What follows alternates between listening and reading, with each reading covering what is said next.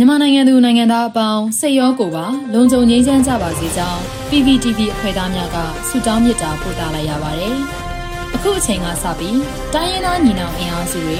ပြည်သူ့ကာကွယ်ရေးတပ်မတော် PDF တပ်သားတွေနဲ့ပြည်သူလူထုတို့ရဲ့အရှိန်အဟုန်မြင့်လာတဲ့တိုက်ပွဲသတင်းတွေကိုစူးစီးတင်ဆက်ပေးသွားမှာဖြစ်ပါတယ်။ကျမຫນွေဦးလင်းအိမ်ပါ။ ပထမဆုံးအနေနဲ့ကရင်ပြည်နယ်မှာစစ်ကောင်စီရှင်နှန်းကိုဇက်တိုက်မိုင်းဆွဲတိုက်ခိုက်လို့စစ်ကား၅စီးထပ်မံပျက်စီးပြီးတိတ်ဆုံးမှုများနိုင်တဲ့တဲ့ရင်ကိုတင်ဆက်ပေးပါမယ်။ကရင်ပြည်နယ်တွင်စစ်ကောင်စီရင်နှန်းကို KNDF တပ်ရင်း16နဲ့ကရင်တပ်မတော် KA တို့ပူးပေါင်းပြီးဇက်တိုက်မိုင်းဆွဲတိုက်ခိုက်မှုတွေလှုပ်ဆောင်နေကစစ်ကား၅စီးထပ်မံပျက်စီးပြီးစစ်သားတိတ်ဆုံးမှုများနိုင်ကြောင်း KNDF ကတရားဝင်သတင်းထုတ်ပြန်ပါတယ်။ အလားတူမေလ၄ရက်နေ့ကလည်းစစ်ကောင်စီရင်နှန်းကို KNDF V16 နဲ့ KA တို့ပူးပေါင်းပြီးမိုင်းဆွဲတိုက်ခိုက်လို့စစ်ကားနှစ်စီးပျက်စီးသွားကစစ်ကောင်စီတပ်ဗမာတိတ်ဆုံးမှုများရှိနိုင်ကြောင်းသိရှိရပါတယ်။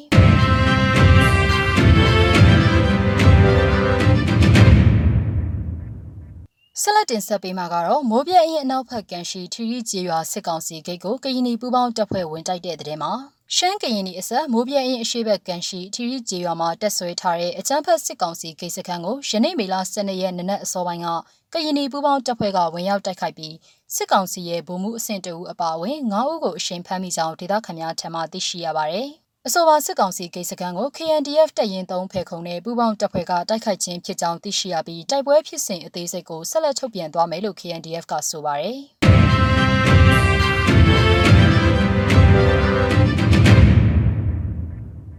လဲမြို့နယ်ဇီးဖြူကုန်းကြေးရွာရှိအကြမ်းဖက်စစ်တပ်နဲ့ပြူစောထီများအခြေချတဲ့စခန်းကို MRDA နဲ့ပူးပေါင်းတပ်ဝင်တိုက်ချိန်မှာစစ်ကူလာတဲ့ရင်နှန်းတွေမိုင်းဆွဲခံရပြီးစစ်ကားနှစ်စီးလုံးဝပျက်စီးတဲ့တဲ့ရင်ကိုဆက်လက်တင်ဆက်ပေးပါမယ်။စကိုင်းတိုင်းတောင်ပိုင်းပလဲမြို့နယ်ဇီးဖြူကုန်းကြေးရွာရှိအကြမ်းဖက်စစ်ကောင်စီစစ်သားများနဲ့ပြူစောထီများပူးပေါင်းတပ်ဆွဲထားတဲ့စခန်းကိုမြမတော်ဝင်နဂါတက်တော် MRDA နဲ့ KUG ကိုစားပြု GYZ အဖွဲ့တို့ကမေလ10ရက်နေ့နက်7:00နာရီခန့်မှာစတင်တိုက်ခိုက်ပြီးတိုက်ပွဲဟာည9:00နာရီခွဲခန့်အထိကြာမြင့်ခဲ့က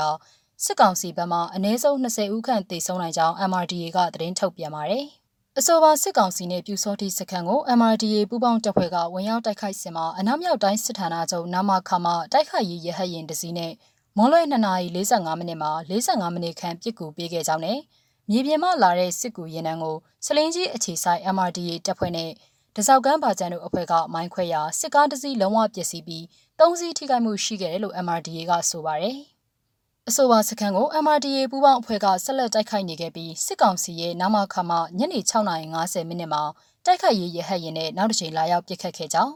ညပိုင်းမှာမိုးရွာသွန်းမှုကြောင့်မြင်ကွင်းမရှင်းလေးလို့ MRDA ပူးပေါင်းအဖွဲ့ကပြန်လည်ဆုတ်ခွာခဲ့ကြောင်းနဲ့ KUG ကိုစားပြု GYZ အဖွဲ့မှရဲဘော်တအူးကြဆုံးခဲ့ကြောင်းသိရှိရပါတယ်။မေလ17ရက်နေ့ညနေ6နာရီခန့်မှာလဲမုံရွာနာမခမထွက်ခွာလာတဲ့စစ်ရင်တန်းကိုရင်းမပင်လင်ငေါတောင်ကျေးရွာမှာ MRDA ကမိုင်းခွဲလို့စစ်ကားတစ်စီးလုံးဝပျက်စီးသွားကြောင်း မြမတော်ဝင်ကတက်တော်ကသတင်းထုတ်ပြန်ပါတယ်။